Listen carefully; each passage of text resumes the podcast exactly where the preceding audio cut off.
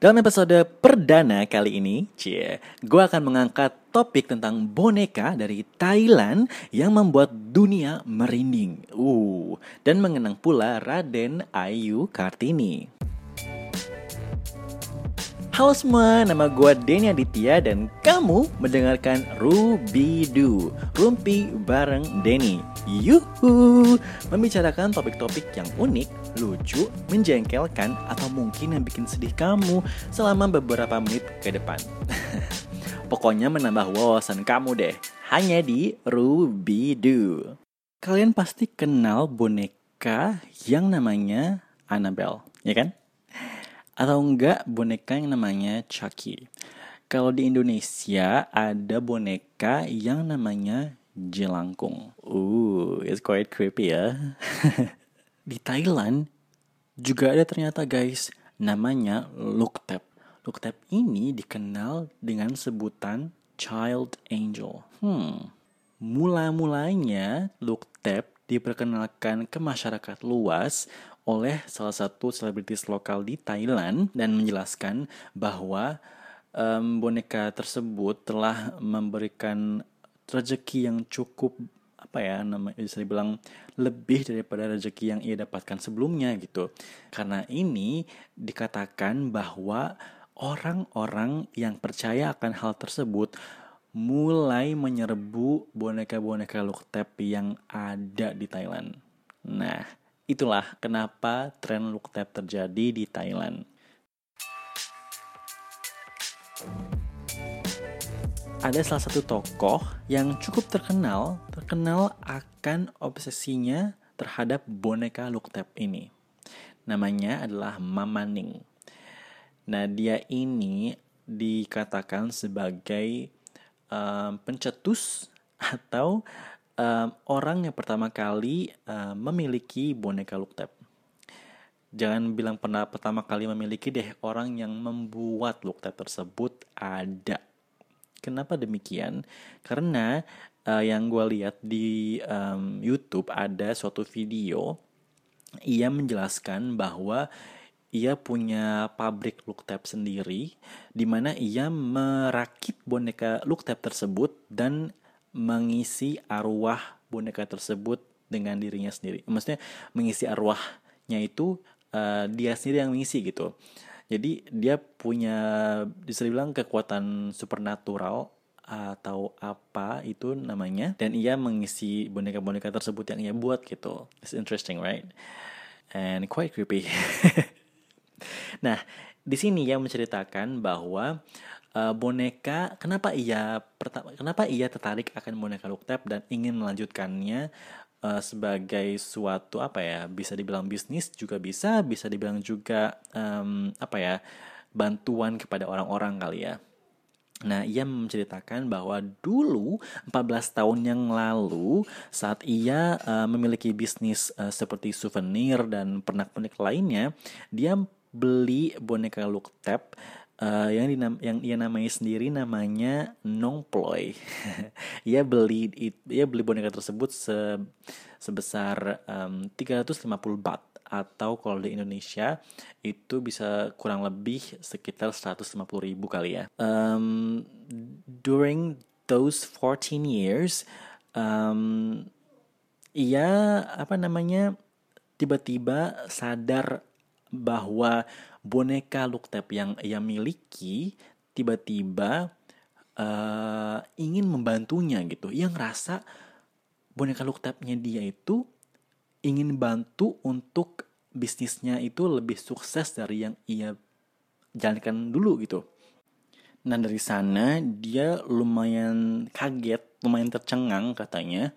Jadi dia mencoba untuk uh, merawat boneka Luktab itu lebih intensif, cie lebih intensif, uh, seperti layaknya ia merawat seorang anak gitu, seperti ngobrol, terus um, makan bareng, kasih makanan ke boneka itu, dan juga kayak beli baju baru.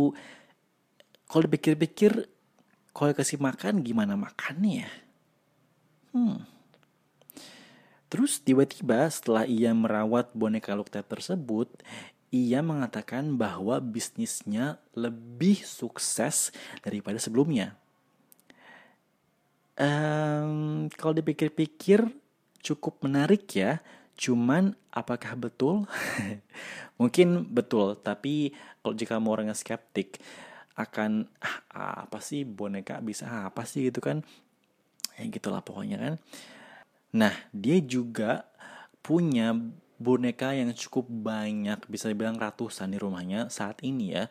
Ia bisa punya boneka lebih dari 100 dan setiap boneka ia uh, memberikan umur-umur uh, boneka tersebut. Jadi kalau misalkan kalian masuk ke rumahnya nih, pasti mereka pasti uh, Mama Ning akan uh, introduce all of the not all of them uh, salah satu dari mereka dan dia akan kasih tahu kalau oh ini umurnya segini, kalau ini nama, umurnya segini dan nama-nama juga dia punya nama kasih nama-namanya sendiri ke boneka-boneka yang dimiliki gitu.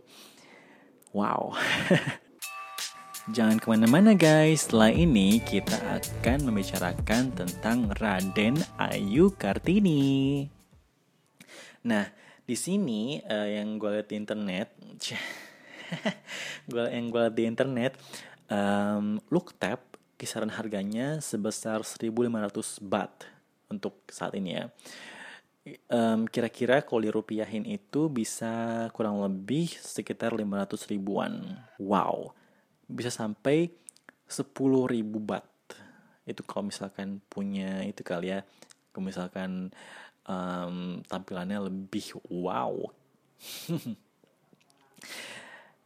uh, boneka look tab ini ternyata punya banyak kontroversi loh guys dan juga hal-hal yang menarik contohnya hal yang menarik itu um, ada beberapa um, pesawat terbang yang menawarkan tempat duduk untuk boneka look tab itu sendiri. Jadi kalau misalkan lu punya boneka look tab dan pengen pergi ke luar um, negeri dan mereka akan menawarkan ehm, bapak atau ibu mau um, membeli tempat duduk untuk boneka look tabnya. It's quite strange ya. Boneka ada tempat duduk khususnya. wow. Dan nggak cuma pesawat, ada restoran yang menawarkan menu-menu spesial untuk boneka Looktab tersebut. Gue masih bingung guys, gimana mereka makannya. Sayang kali kalau misalkan kita udah beli makanan, terus nggak di nggak dimakan sama sekali sama mereka gitu kan? Ayo, sayang banget. Kalian pikir um, lu boneka Looktab tersebut akan disimpan di rumah dan di kamar mereka? No, boneka loketapnya itu dibawa ke mana-mana seakan-akan itu adalah anak mereka sendiri loh guys. Jadi kalau misalkan mereka mau pergi, mereka pasti bawa boneka loketap tersebut. Kalau misalkan mereka ke kantor, mereka pasti bawa.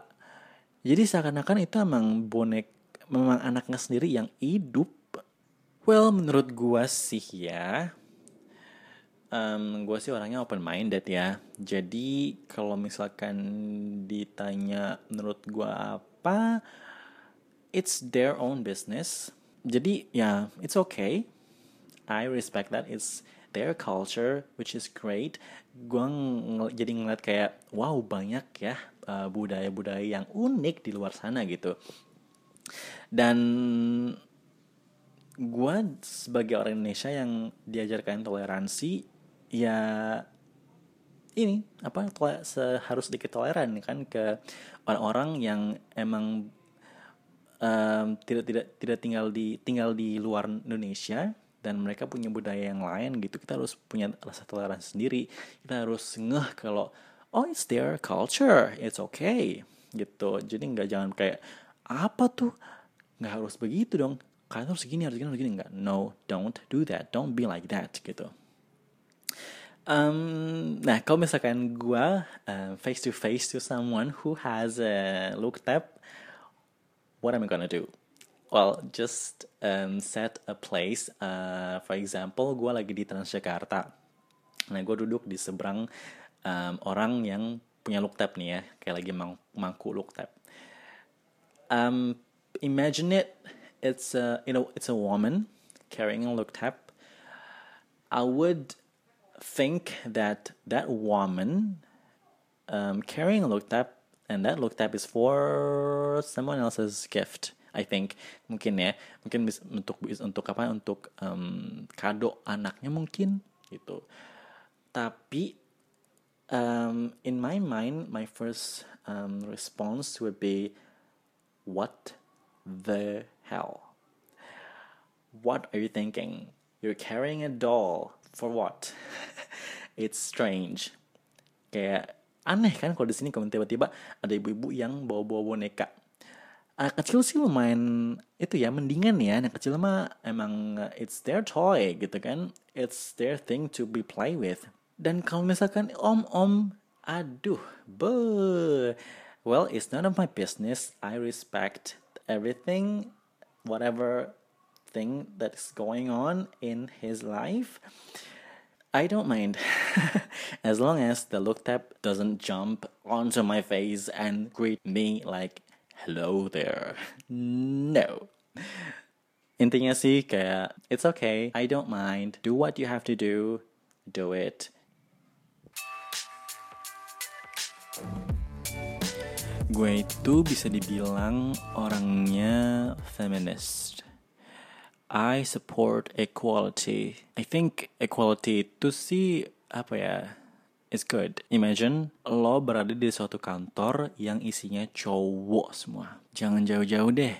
Kalau misalkan kalian masih kuliah nih ya, um, kalian masuk di kelas yang cowok semua. Pasti jawaban-jawaban atau ide-ide yang keluar di kelas tersebut hampir sama. Uh, kalau misalkan ada satu ya cewek, uh, nggak harus mendominasi sih um, cewek itu bisa juga kontribusi terhadap suatu hal yang ada di kelas tersebut atau yang ada di tempat kerja tersebut. Pasti ada ide-ide yang beda, ada perspektif yang baru gitu. That's why I like it. That's why I support equality. Dan masalah yang tadinya tidak bisa dipecahkan akan terbantu gitu we work here together. Speaking of equality and women empowerment, tanggal 21 April yang lalu, minggu ini, Raden Ayu Kartini berulang tahun. Yay! It is, right? Uh, it's her birthday, right? But I don't know how old she is right now. Well, di sini sih dibilangin kalau Raden Ayu Kartini ini lahir di Jepara tanggal 21 April tahun 1879. You do the math, please. I don't want to count. I'm lazy to do that. Dan it's quite pity ya, dia meninggal pada umur 25 tahun. Wow, meninggal di usia muda dan punya banyak achievements dan gerakan-gerakan yang ia kontribusikan. Man, gua masih umur 23 tahun. There's like very not much of experiences I have. Kartini cuy, dia masih muda sudah mendobrak dunia, sudah mendobrak at least di negaranya sendiri dalam hal women empowerment. It's a great thing. It's No wonder kan dia disebut sebagai pelopor kebangkitan perempuan pribumi gitu. Tapi guys, I think you don't know this. Um, did a research on internet, obviously. Where else? Um, well, I can do in library, but I'm too lazy to go there. Internet is the easiest way, I think. Anyway, gue dapet sini ternyata ada ada beberapa kontroversi dalam mencanangkan um, Hari Kartini. Ada beberapa yang tidak pro Kartini bilang udah deh digabungin aja sama Hari Ibu Nasional tanggal 22 Desember. Kenapa nggak begitu? Kan dia juga kan um, perempuan dan juga mewakili ibu-ibu di seluruh dunia. Dan dia juga bilang alasannya karena Kartini itu kan hanya um, aktif di Jepara dan dia bukan sosok pejuang yang menggunakan senjata-senjata pahlawan gitu. Mereka juga bilang udah deh ditempatin aja sama di hari ibu tanggal 22 Desember. Lagian kan pahlawan wanita nggak dia doang ada cutnya Din ada Marta Christina Tiahahu ada Dewi Sartika ada banyak pejuang wanita yang nggak dia doang gitu katanya mereka. Tapi yang pro Kartini melawan kembali. Mereka mengatakan bahwa Kartini itu tidak hanya tokoh yang mengeluarkan emansipasi wanita dan mengangkat derajat kamu wanita Indonesia aja loh katanya. Dia itu adalah tokoh nasional. Jadi maksud mereka itu adalah ide-ide dan gagasan-gagasan pembaruannya tersebut dia perjuangkan untuk kepentingan bangsanya sendiri. Yang Pro Kartini mengatakan hal itu semua sudah mencerminkan pemikiran perjuangan nasional karena memperjuangkan untuk bangsanya sendiri gitu kan. Sedikit sejarah tentang Kartini guys. Raden uh, Ayu Kartini ini berasal dari kalangan kaum atas ya, kaum bangsawan. Uh, girl, this girl is rich. bangsawan kelas atas di Jawa. Um, dia itu adalah uh, putri dari Raden Mas Adipati Aryo Sosroningrat. Dia itu adalah seorang patih Uh, Patih itu adalah uh, perdana menteri dulu di um, kerajaan Jawa dan lalu diangkat menjadi bupati Jepara segera setelah Kartini lahir gitu. Uh, Kartini ini adalah putri dari istri pertamanya ayahnya. Jadi bisa dibilang ayahnya itu punya dua istri. Nah, ibu R.A. Kartini itu namanya M.A. Ngasirah. Ini seperti itu loh guys, seperti cerita-cerita dong yang Cinderella gitu. Nah, ibunya Kartini ini ternyata bukan bangsawan, guys. Dia itu rakyat biasa aja. Ya kan kayak dongengnya it's interesting. Tapi untuk holds that royalty, uh, untuk mempertahankan kebangsa apa bangsawannya itu ayahnya itu harus menikahi bangsawan juga gitu jadi ayahnya punya dua istri ya dulu itu emang sebelum menik sebelum menikah dengan suaminya dulu, Raden Ayu Kartini punya nama namanya Raden Ajeng Kartini. Itu nama pertama, gelar pertama Kartini setelah ia lahir. Nah, setelah ia menikah dengan Bupati Rembang, dia menikah dengan Bupati Rembang namanya KRM Adipati Aryo Singgih Jojo Adiningrat. Nah, dari situ dia gelarnya diubah jadi Raden Ayu Kartini. Makanya gua dari tadi kenapa bilang Raden Ayu Kartini instead of Raden Ajeng Kartini? Karena itulah guys, dulu itu Raden pas masih muda diperbolehkan oleh ayahnya untuk sekolah. Uh, ya sekolah di ELS Europes Leisure School. It's uh, apa namanya sekolah Belanda mungkin ya. Di sana ia belajar bahasa Belanda, dan dia juga ternyata punya penpal guys. Kan punya tau penpal gak sih? Sekarang udah nggak ada kayaknya penpal ya. Lu gue pernah ada gue pernah punya teman penpal terus kontak juga sih. Udah nggak zaman kayaknya penpal penpal itu um, itu dulu seru pokoknya deh tapi sekarang udah udah nggak ada lagi jadi dulu si Kartini ini punya teman um, surat menyurat di Belanda is quite interesting ya punya teman di Belanda.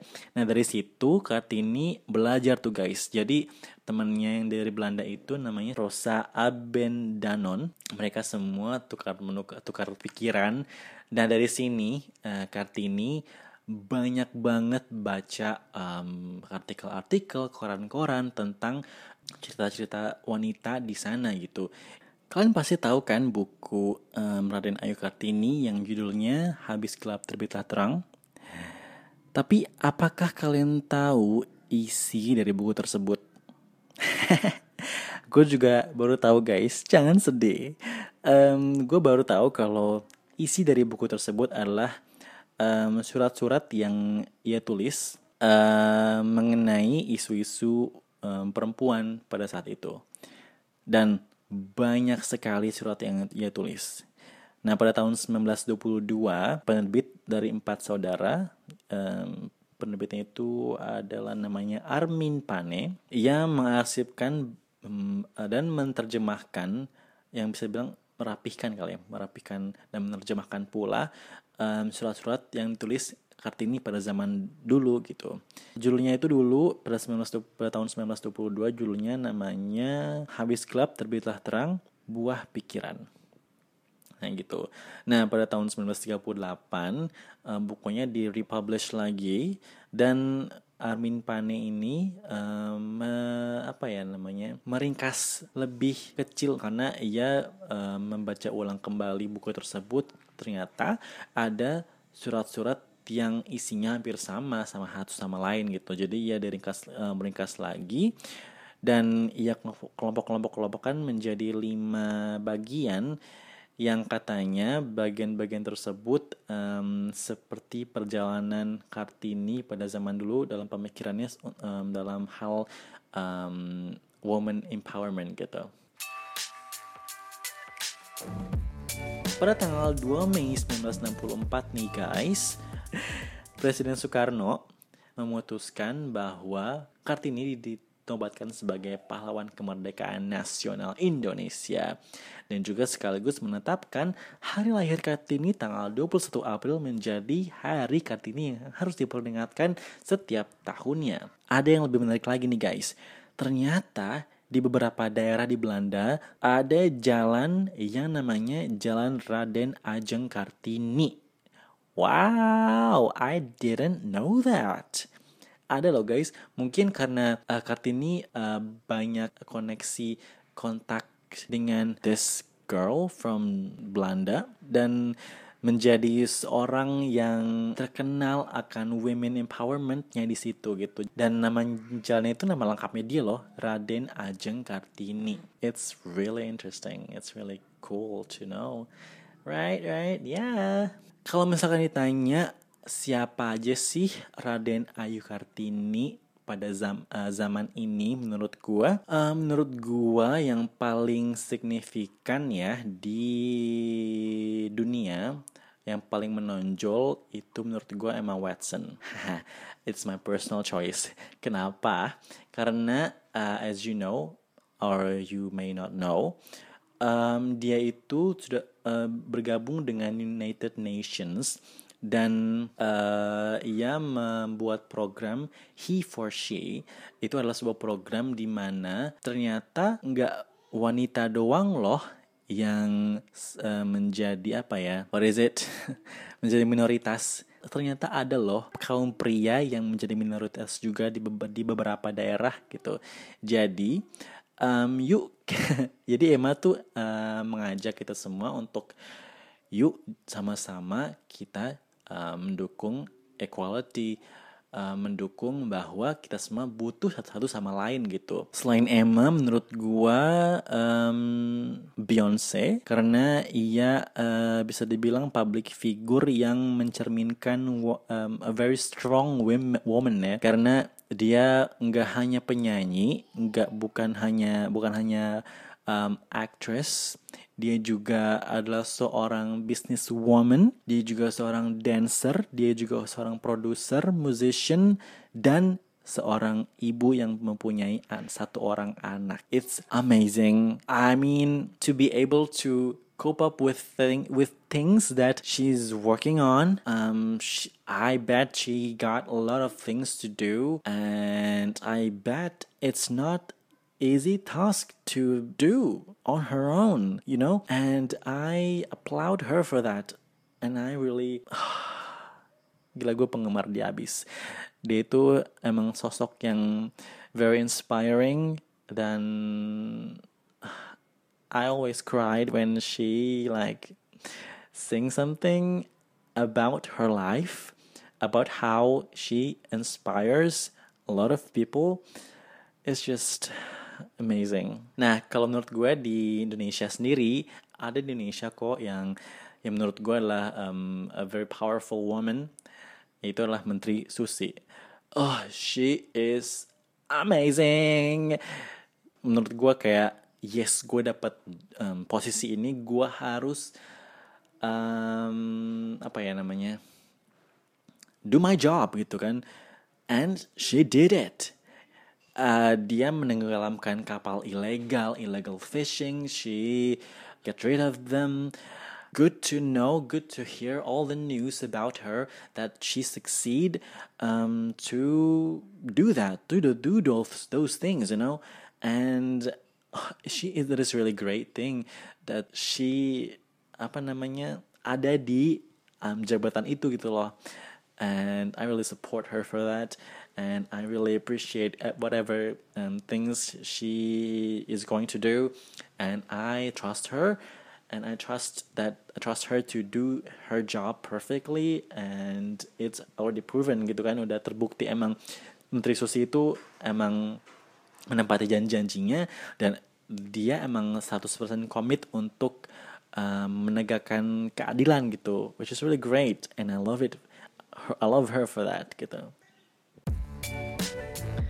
Nah, sampai sini dulu guys episode perdana kali ini di Ruby Do Rumpi bareng Denny. Yuhu! It's really an interesting and fun thing to do. I'm making a podcast and I'm curious how do you feel about this podcast? This is my first time doing a podcast, and I do need your feedback. And yeah, if there is any critics and suggestions, please um, tell me. Please give a like or love um, if you like this. And I wanna ask you, what do you think about look tab gitu? Apa look tab? Menurut kamu look tab itu menarik nggak? Kalian kalau misalkan punya kesempatan untuk membeli looktab tersebut, kalian pengen beli nggak? Apa menurut kalian looktab itu menyeramkan seperti halnya jelangkung? Uh, gue dengernya aja udah, udah serem cuy. Dan Um, menurut kalian siapa sih tokoh Raden Ayu Kartini di masa kini menurut kalian sendiri gitu? Um, since I already mentioned mine, that's it. I think for now. Um, kalau misalkan kalian kepo, siapa sih gue? Siapa sih Dini Aditya? kalian bisa kepoin tuh Twitter gue di @mrdiaditya M R D A D I T Y A at Mr. Dedi D Aditya. Di sana kalian bisa lihat, um, gue juga ada Instagram sih, uh, sama juga akunnya di at Mr. D Aditya. Jadi kalian bisa um, kepoin semuanya. Uh, sampai jumpa di episode Ruby Doo berikutnya. Ruby Doo, rumpi bareng Denny. Yuhuu.